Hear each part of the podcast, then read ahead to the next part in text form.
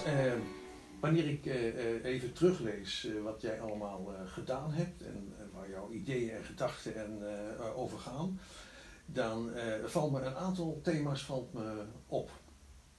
Eerstens het, het thema dat je een hele grote affiniteit hebt naar mensen die op de een of andere manier een beperking hebben. We moeten misschien zo nog even hebben over wat, of dat een goed begrip is. Je bent een sterke voorstander, dat althans komt steeds naar voren, voor integratie en eh, inclusie. Dat is een tweede thema waar je ook veel over gepubliceerd hebt. Eh, je, als persoon kun je niet anders dan eh, ervoor zijn voor levenslang leren. Want je, eh, als ik die, die studies die je gevolgd hebt zie, dan heb je naast je werk en je gewone bezigheden altijd ben je blijven studeren. Ik denk dat het ook een belangrijk gegeven is voor leraren die nu in het onderwijs zitten. En eh, eh, de laatste eh, tijd hebben we het ook over Bieldoen. En zie ik ook stukken van jou. En heb je ook een hele belangrijke bijdrage geleverd en ga je leveren aan deze bundel met betrekking tot uh, Bieldoen. Maar eerst wat het eerste thema betreft. Dat werken met leerlingen met een, een beperking, of misschien de affiniteit voor mensen in zijn algemeenheid met een beperking. Wanneer is dat ontstaan? Nou ja, wanneer is dat ontstaan? Dat, dat is lastig te zeggen. Ehm, ik denk dat tijdens mijn vervangende dienstplicht bijvoorbeeld eh, het al aan bod kwam. Toen ik deed mijn vervangende dienstplicht op een arbeidsbureau. En daar werkten een aantal mensen vanuit de sociale werkvoorziening. En op een bepaald moment waren er vacatures op de werkzaamheden die deze mensen deden. En eh, de directeur van het arbeidsbureau wilde daar nieuwe mensen voor aantrekken. Terwijl wij het logisch vonden dat als het om hun werkzaamheden ging, dat deze mensen zelf eerst de kans zouden krijgen om te solliciteren. En als ze geschikt waren voor die functie, zouden ze in functie kunnen komen. Ehm, een tweede ervaring is dat toen ik voor een overniersbedrijf werkte, mijn toenmalige baas, een collega met wie ik samen tuinen aanlegde en onderhield, uh, wilde ontslaan en hij kon eigenlijk niet goed aangeven uh, waarom hij dat wilde doen. Hij mocht hem gewoon niet zo. Terwijl het een, vanuit mijn optiek een zeer gewaardeerde collega was, uh, met een enorme inzet. hij is toen ontslagen en toen heb ik ook mijn functie bij het overniersbedrijf opnieuw onder de loep genomen en zo ben ik bij Bartimeus komen werken. Ja, ja, maar het, het is uit een gevoel van onrechtvaardigheid. Ja. Dus dat het ja. in feite ont, uh, ontstaan is, ja. over de positie van mensen met een uh, beperking. Maar ook, ik dacht, deze man heeft eerst pedagogische academie gedaan. Heb ik ook gedaan. Oh, dat heb je eerst gedaan? Ja. Maar je bent niet onmiddellijk uh, leraar geworden? Ik heb um, een jaar in Amersfoort voor de klas gestaan. Toen ben ik onderwijskunde in Groningen gaan studeren. In het gewone reguliere In het gewone reguliere basisonderwijs. Toen heb ik onderwijskunde in Groningen ge, ben ik begonnen met een studie. Mm -hmm. En die heb ik na het eerste jaar af moeten breken, omdat uh, de minister mij niet langer uitstel van mijn vervangende dienstplicht wilde geven. Ja. En na mijn vervangende dienstplicht dacht ik van, nou ja, ik heb dat eerst wel even gezien, laat ik een echt ambacht gaan leren. En toen heb ik mijn opleiding vakkwaamovenier gedaan en de boomverzorgersopleiding. Je hebt ook een opleiding uh, ja. gedaan? Ja, in het leerlingwezen. Mhm. Dus je zou ook kunnen zeggen, ik heb allerlei vormen van onderwijs ook zelf meegemaakt. Ja. Ik heb gewoon in het leerlingwezen uh, de opleiding gevolgd waarbij ik vier dagen in het bedrijfsleven werkte en één dag in de week naar de vakschool in Vught ging Ja. om vakkwaamovenier te worden. Maar waarom hovenier? Want dat ligt niet, nou niet direct uh, naast het leraarschap. Maar ik deed het altijd al met veel plezier. Ik was daardoor gestimuleerd um, door um, um, de vader van mijn toenmalige partner. En we waren altijd buiten, trokken in het weekend de bossen in. Dus ik had wat met bomen, Ja. met planten, met dieren. En zo dacht ik, nou laat ik een echt vak gaan leren. Ja. Ja, en Bartimeus heeft daar veel profijt van, uh, van gehad. Ja. hè? Want jij bent de, degene die ook de, de tuinen daar opgezet heeft, uh, hebt. Uh, Ja, toen ik, bij, um, toen ik bij dat hoveniersbedrijf weg wilde gaan, kwam Bartimeus met een vacature. Ze wilden een docent hebben die met blinde en slechtziende leerlingen in het voortgezet speciaal onderwijs iets zou doen met groen. Wat precies wisten ze niet, maar ze hadden het vak algemene technieken al ingevoerd voor deze leerlingen. Dat bleek heel goed aan te slaan. En toen dachten ze van, voor deze leerlingen zou het ook goed zijn met natuur en met groen in aanraking te komen. Zo, uh, ik was voor hen de ideale kandidaat omdat ik zowel een onderwijsbevoegdheid had als, een, als vakbekwaam was in het groene vak. Toen het eerst, na het eerste jaar constateerde ik echter wel dat ik op een aantal punten tekort schoot. Uh, bloemschikken, wat in de winter uh, heel erg voor de hand ligt, kon ik eigenlijk niet. Het opkweken van planten was nog niet mijn sterke kant. Dus toen heb ik de lerarenopleiding plantenteelt gedaan in het bos bij Stoas. Oh ja. Ja. Ja. En doe je daar nog veel mee trouwens? Ja, ja, jouw artikel, of althans een artikel wat je begeleid hebt van Erik de Kwartel, gaat met name over tuinen hè? En, en het belang van, uh, Ja. Van natuur voor kinderen die uh, slechtziend of blind uh, zijn. is dat een thema wat jij in jouw hele verdere loopbaan bent blijven koesteren?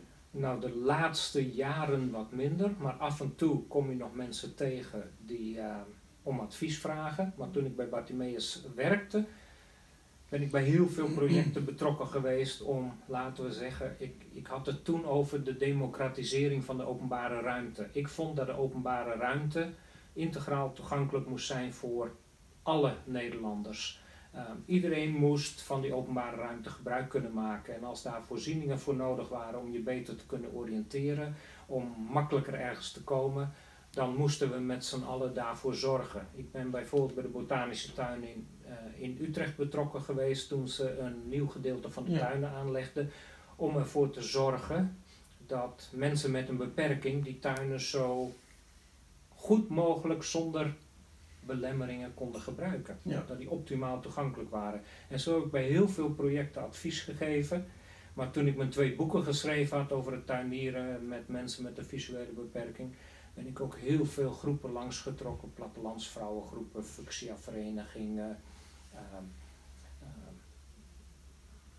groei- en bloeiafdelingen. Ja. Omdat ik een andere kijk op het omgaan met planten heb ontwikkeld door goed naar mijn leerlingen te kijken en goed naar hen te luisteren. Ja, en in feite, en dat is het aardige bij, bij Bartimeus en uh, de, de leerlingen die daar zijn, slechtziende en de blinde kinderen, die hebben een veel in, hele andere, maar misschien ook veel intensievere uh, relatie met de natuur.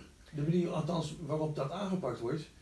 Ja. tasten, voelen, smaken, eh, Ik weet niet of zij, een, proeven of ja. zij van nature een intensievere relatie hebben. Alleen ehm, als je niet van je visus gebruik kunt maken, van je ogen, dan ga je meer op je andere zintuigen vertrouwen.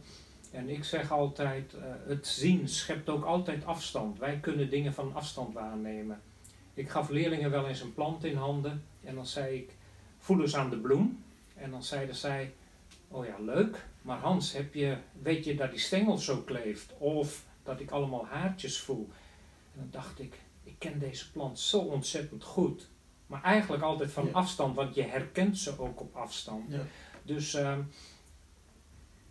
met het zien kun je heel veel waarnemen, maar er ontgaat je ook heel veel dingen. En Ja. van mijn leerlingen heb ik ontzettend veel eh, geleerd om anders naar planten te kijken, maar ook naar andere voorwerpen te kijken, Ja. op andere kwaliteiten te letten. ja, maar toen ik jullie artikel las, dacht ik, nou hier zouden eh, het normale regulier onderwijs ook heel veel mee kunnen. Hè, met deze aspecten van, van proeven, van eh, ah, betasten van planten, van eh, weten hoe dat, hè, zo'n zo'n plant voelt. Nou, ik denk als we het over bieldoen hebben, maar ook al als we het hebben over hè, het redden van onze planeet, als je het heel groot ecologie.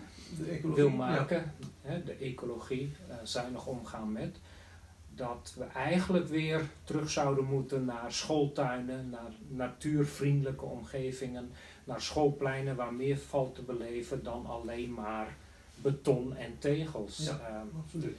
eh, Hans, we hebben het vaak gehad over wat je nou, wat je nou precies moet benoemen. Handicap, eh, eh, be- beperking, stoornis. eh, trouwens, daar zijn hele discussies aan vooraf gegaan hoe je dat precies, hoe je ook dat onderwijs moet noemen. Ja, is het onderwijs met speciale behoeften, is het speciaal onderwijs of is het onderwijs voor kinderen met een beperking? Of, nou ja.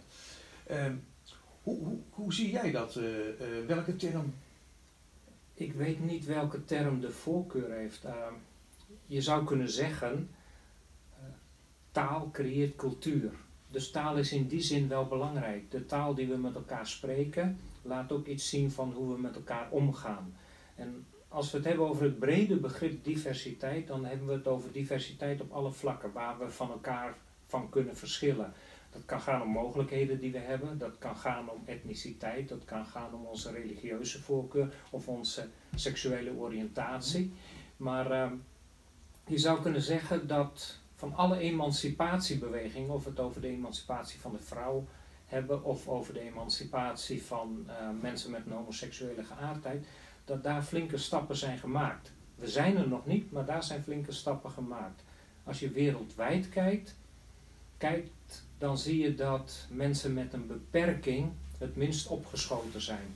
Dat ze nog steeds uh, meer dan andere mensen um, geen betaalde baan hebben of een kleine betaalde baan, dat ze in de lagere betaalde banen zitten en dat ze vaker in armoede leven dan andere groepen mensen. Dus daar hebben we nog wel iets te doen. En dan is de vraag interessant, hoe komt het dat zij in hun emancipatie minder ver zijn opgeschoten dan andere groepen? Ja.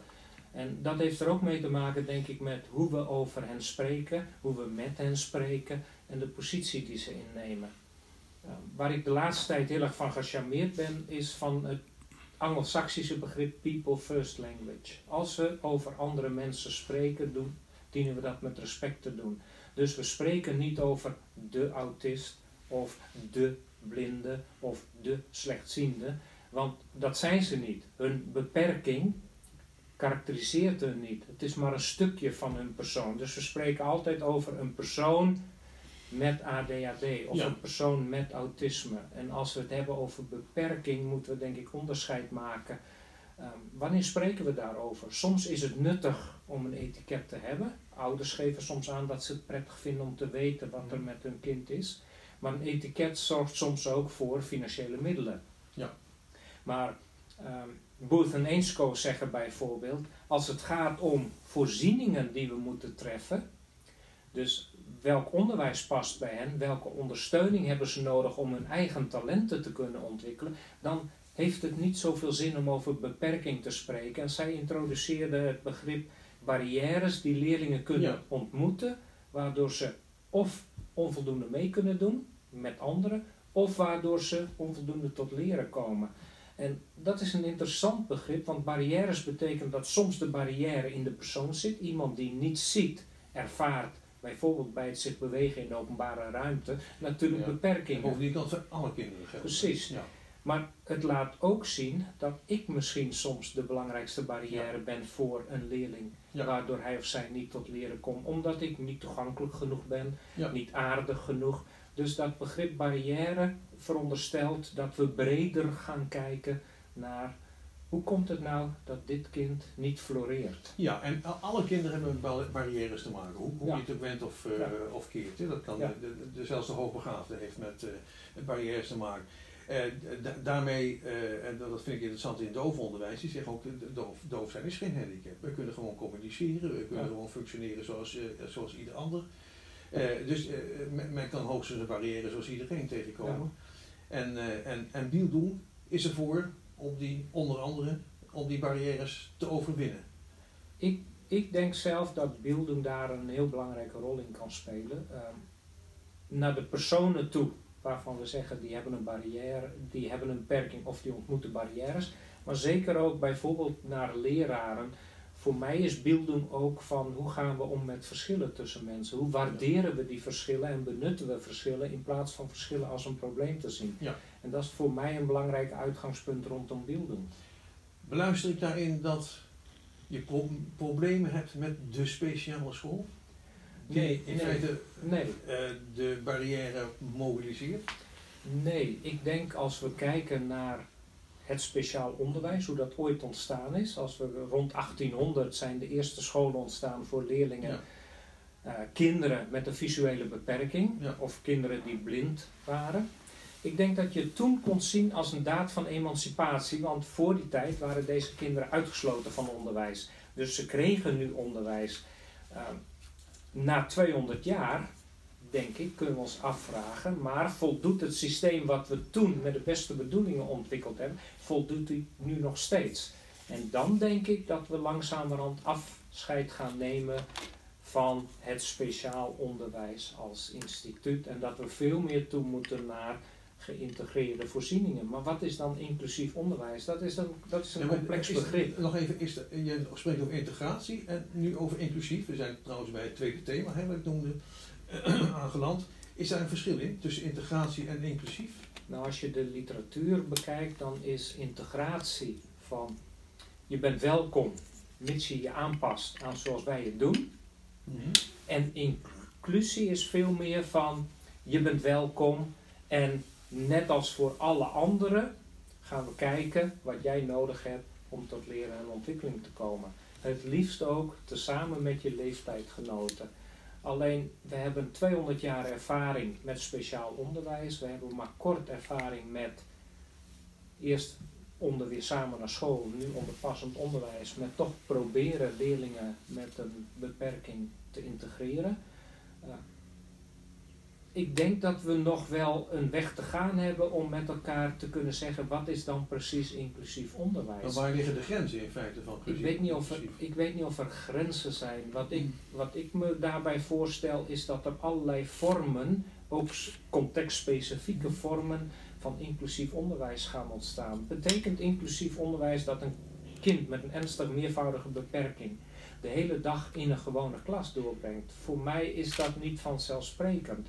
Maar ik denk wel dat we dat de inclusieve school als het ware een podium is waar we alle kinderen tegen kunnen komen, waar we van elkaars bestaan weten, waar we uh, elkaar in al onze verscheidenheid kunnen zien en leren waarderen, maar waarbij we niet op elk moment van de dag ook bij elkaar in dezelfde ruimte zitten. Ik denk dat we moeten ervaren, moeten experimenteren hoe we dat vorm gaan geven. En uh, een van de scholen die ook in het, in, uh, het boek besproken wordt, zijn die samen naar schoolklassen. Mm -hmm. Dat zijn klassen in een reguliere school waar kinderen met een ernstig meervoudige beperking onderwijs, therapie, ondersteuning ontvangen, maar waarin ze op andere momenten contact hebben met andere kinderen, met hen dingen samen doen. Waardoor ze aanwezig zijn in de gemeenschap, gezien worden in die gemeenschap en gewaardeerd worden in die gemeenschap.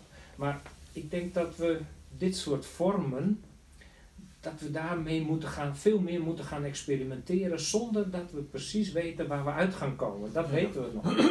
Ja, inhoudelijk in, in eh, experimenteren. Ook wat, wat, Ook wat ieder want- nodig ja, heeft. Want het is bestuurlijk, is een, er zijn natuurlijk wel, eh, wat, wat barrières te overwinnen. Hè? Ja. Dat zien we in, in een hele tot stand komen van de samenwerkingsverbanden en eh, het speciaal schoolhoger onderwijs eh, daar, eh, daarin. Eh, dan wat, wat wennen. Bovendien, eh, maar dat, dat is misschien even buiten de orde. eh, je hebt ook gymnasia, je hebt ook VMBO, en je hebt ook, dat zijn in feite allemaal gescheiden vormen van onderwijs. Die eh, eh, jouw eh, idee van inclusief eerder verder willen brengen dan dichterbij. Nou dat is ook interessant. Er zijn, als je bijvoorbeeld naar de Scandinavische landen kijkt, maar ook als je bijvoorbeeld naar Amerika kijkt met zijn middle school, dan houden ze daar leerlingen veel langer bij elkaar, tot hun 15e, 16e jaar, waarna ze allemaal als het ware een meer vocational kant op gaan, een meer beroepsmatige kant op gaan of een meer academische kant op gaan. Uh, dat is interessant. We waren eens een keer op een grote Deense school, 500 leerlingen, op zo'n volkenscholen met leerlingen van 6 tot 15. Mm. En toen stelde een van mijn studenten daar de vraag: hoeveel leerlingen hebben jullie hier met gedragsproblemen? En die directeur zei zonder aarzeling geen. Toen zei ze: dat kan niet. Op een school met 500 leerlingen. Hij zegt: nou. Hij zegt: ik denk dat er ongeveer vijf leerlingen zijn, waarvan vier jongens waar ik af en toe een gesprekje mee moet hebben. Ja. En toen zei ze, hoe kan dat nou? En toen zei hij, een van mijn verklaringen, hij zegt, maar ik weet niet of dat wetenschappelijk uh, getoetst is, is dat jullie in Nederland al op de leeftijd van 11, 12 jaar, op het moment dat de puberteit begint, dat jongeren heel erg met hun identiteitsontwikkeling uh, bezig zijn, dat jullie ze uit hun vertrouwde omgeving halen en gaan verspreiden over hele nieuwe omgevingen. En juist in die gevoelige periode moeten ze in een nieuwe context weer in de groep komen, moeten ze zich weer geaccepteerd weten. Hij zegt, ik denk dat jullie die kinderen extra lastig maken, en elk van deel van die kinderen. Hij zegt, En ik denk dat wij het beter doen door ze tot hun vijftiende, zestiende nog bij elkaar te houden. Ook met leraren die hen kennen, hun gezinnen kennen en die dus ook weten wat er aan de hand is en dat er soms gewoon wat extra ondersteuning nodig is of een klopje op de schouder. Ik beluister bij jou dat je sterke voorstander bent om uh, die, die keuzemogelijkheid van kinderen, met name op 12-jarige leeftijd, wanneer de puberteit begint, om dat toch uit te stellen en meer naar het, wat jij dan noemt, Deense model te gaan. Een, een, onderwijs van 4 tot 16 of van 4 tot 15, hoe je dat ook uh, dat ene jaar wil uh, invullen.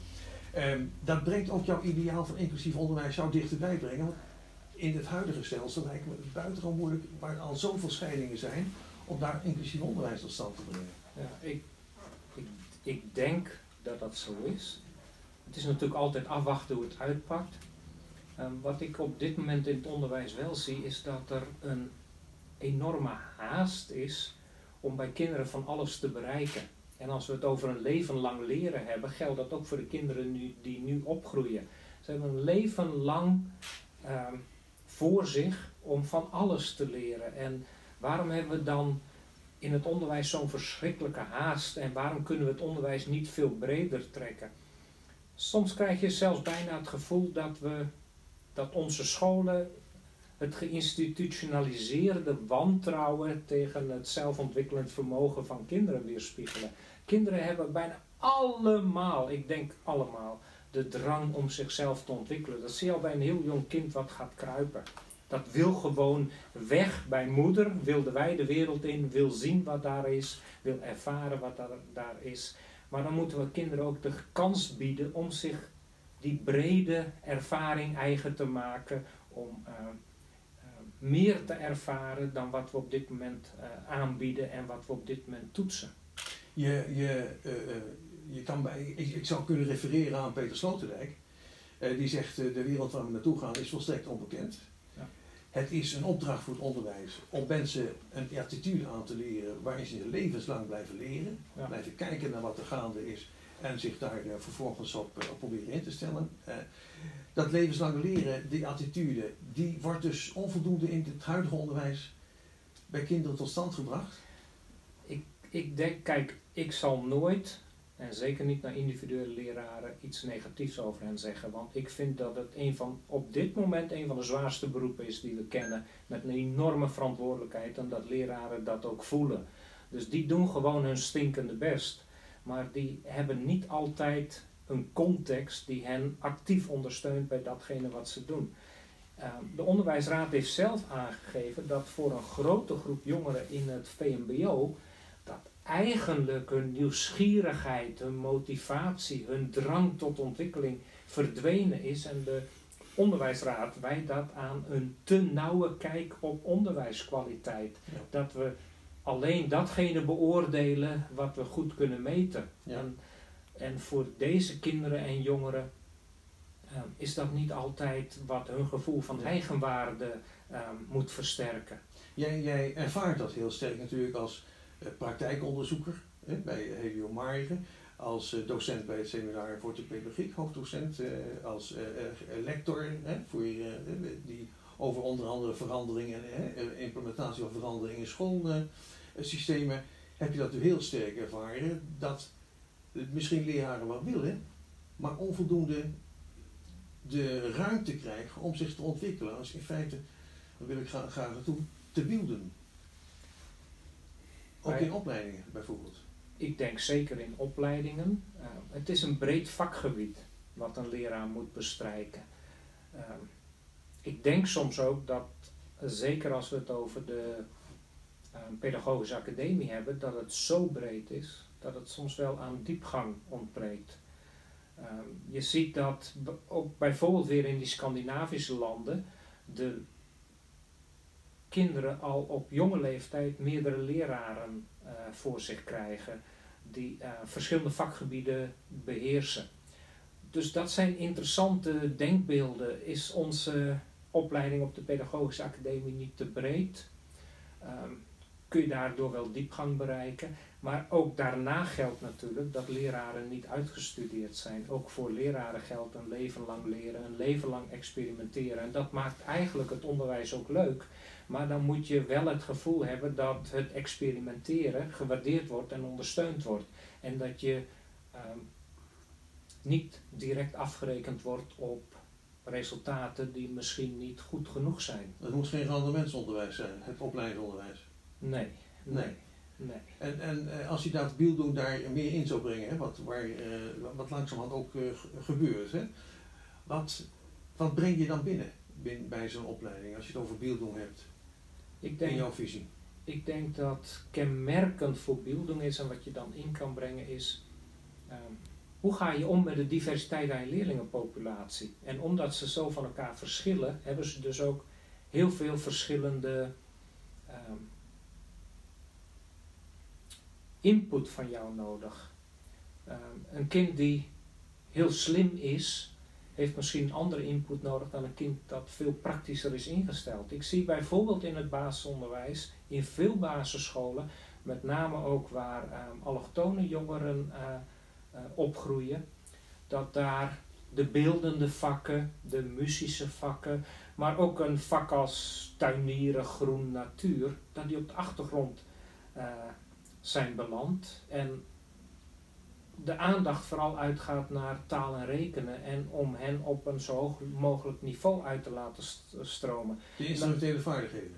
Ja, die zijn ja. natuurlijk wel wezenlijk om in deze samenleving een goede burger te kunnen zijn. Goed lezen, goed kunnen rekenen is natuurlijk belangrijk. Maar, er, maar meer is belangrijk. Mensen hebben naast het voorbereiden op een beroep, hebben ze ook nodig een voorbereiding op geluk en een gelukkig leven leiden. En daar komt denk ik beelding heel sterk naar voren. Maar ook daarin verschillen mensen van elkaar. Um, dus ik denk dat die basisschool een veelheid aan activiteiten, aan inzichten, aan ervaringen moet aanbieden. Zodat kinderen datgene kunnen benutten waar ze zelf het gevoel van hebben. Daar groei ik van, daar voel ik me prettig bij, dat prikkelt mijn nieuwsgierigheid, dat traint mijn uh, discipline. Want ook dat is een belangrijk onderdeel. Zou je op, op die attitude uh, mensen van de leraaropleidingen moeten selecteren? Om maar... Ik, ik weet niet of je... Ik denk dat ze dat hebben. Ik denk dat de meeste mensen... Ja, ik denk, ja, ik denk dat de meeste mensen um, een zekere nieuwsgierigheid, een zekere um, um, experimenteerdrift wel in zich hebben. Alleen, het wordt soms afgeleerd. En ik denk dat we juist de andere kant op moeten, dat we dat moeten, maximaal moeten stimuleren. Sta open voor de wereld, sta open voor andere mensen.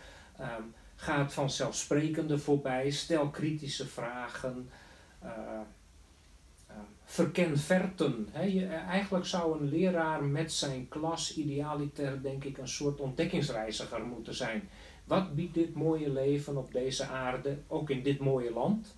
Wat biedt dat ons allemaal? Ja. En um, wat biedt het jou en waar wil jij van profiteren? De stem van de ja. leerling is belangrijk ook, ja. denk ik, daarin. Betekent dat we, dat we ze eigenlijk moeten leren uh, zelfstandig te denken en uh, daar ook hun uh, consequenties steeds willen durven uitnemen. Hè? Dus ook naar handelen naar dat, dat ja. denken. Die combinatie. We hebben ooit dat boek uitgegeven En Denken. Ja.